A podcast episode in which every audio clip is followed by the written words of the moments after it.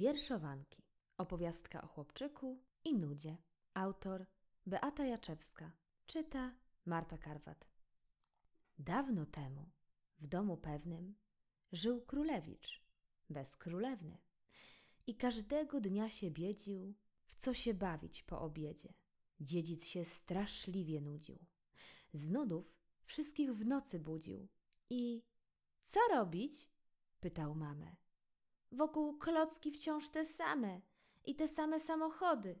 Owszem, jestem jeszcze młody, lecz samemu strasznie smutno.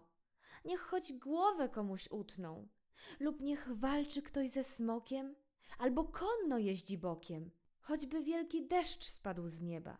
Och, rozrywki mi potrzeba. Wreszcie król tak rzekł do syna. To już złościć mnie zaczyna.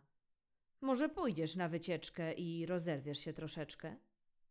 Książę klasnął. Będzie cudnie. Nudzę tutaj się paskudnie. Po śniadaniu dziś wyruszę. Teraz się spakować muszę. Dnia pewnego chłopiec mały zwiedzał okoliczne skały. Sam nie wiedział, czego szuka, ani co tak dziwnie stuka. Puka, chucha i szeleści. Szedł tak minut ze czterdzieści i pomyślał, że się zgubił. Gubić bardzo się nie lubił. Podszedł jeszcze kilka kroków. Wtem zobaczył tam gdzieś z boku drzwi zamknięte. Kłódek z tysiąc. Tajemnica! Mogę przysiąc. To zagadka bardzo słodka. Jak tu dostać się do środka? Nie wystarczy mi być księciem. Tutaj trzeba znać zaklęcie. Co tu zrobić? Chłopiec myśli. Może się zaklęcie przyśni? Może spytać czarownika, który ludzi wciąż unika? Myśli, duma, kombinuje. Nawet głodu już nie czuje. I nie widzi książę mały, kto spogląda nań za skały.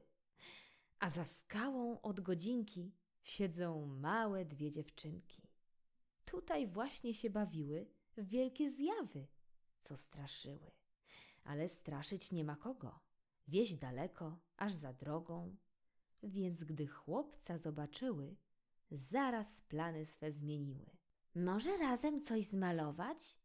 Przed wszystkimi gdzieś się schować i udawać, że świat cały zapadł właśnie się pod skały. Jak myślały, tak zrobiły.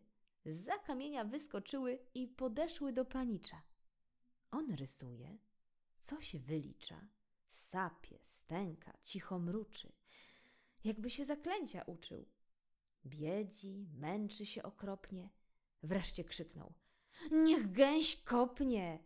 Skoczył, chciał do domu pędzić. Nagle rety, co to będzie?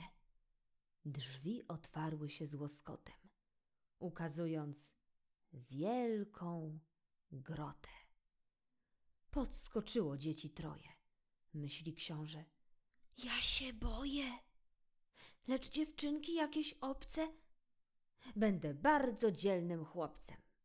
A we trójkę będzie śmielej. Chcę być waszym przyjacielem. Mamy wspólną tajemnicę. Już dziewczynki są z dziedzicem i za ręce się trzymając, progi groty przekraczają. Każde boi się troszeczkę, ale tylko przez chwileczkę. Przystanęły, bo za drzwiami był pokoik z zabawkami. Lecz nie jakieś misie, lale. Lalek tam nie było wcale. Wszędzie klocki. Jakie śliczne i niezwykłe, bo magiczne. Chłopczyk z klocków dom ułożył. Już po chwili domek ożył. Rozsunęły się zasłonki. Statko kaczek jest przed domkiem. Domek jest już zamieszkały przez rodzinkę ludków małych. Dzieci strasznie się zdziwiły. Bardzo długo się bawiły. Stu przyjaciół tam poznały. Każdym z nich był ludzik mały.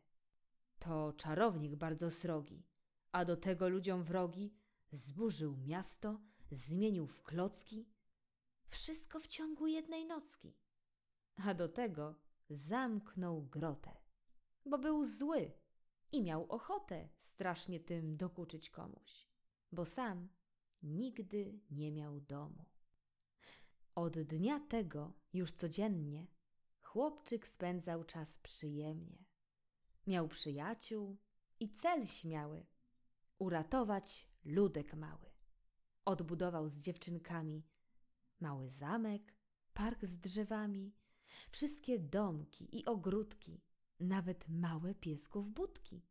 Wciąż budował, stał na straży. Nawet więc nie zauważył, że się nie ma czasu nudzić.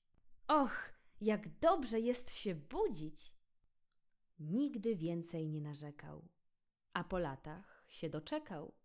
Nikt nie zdziwił się w ogóle, kiedy został dobrym królem.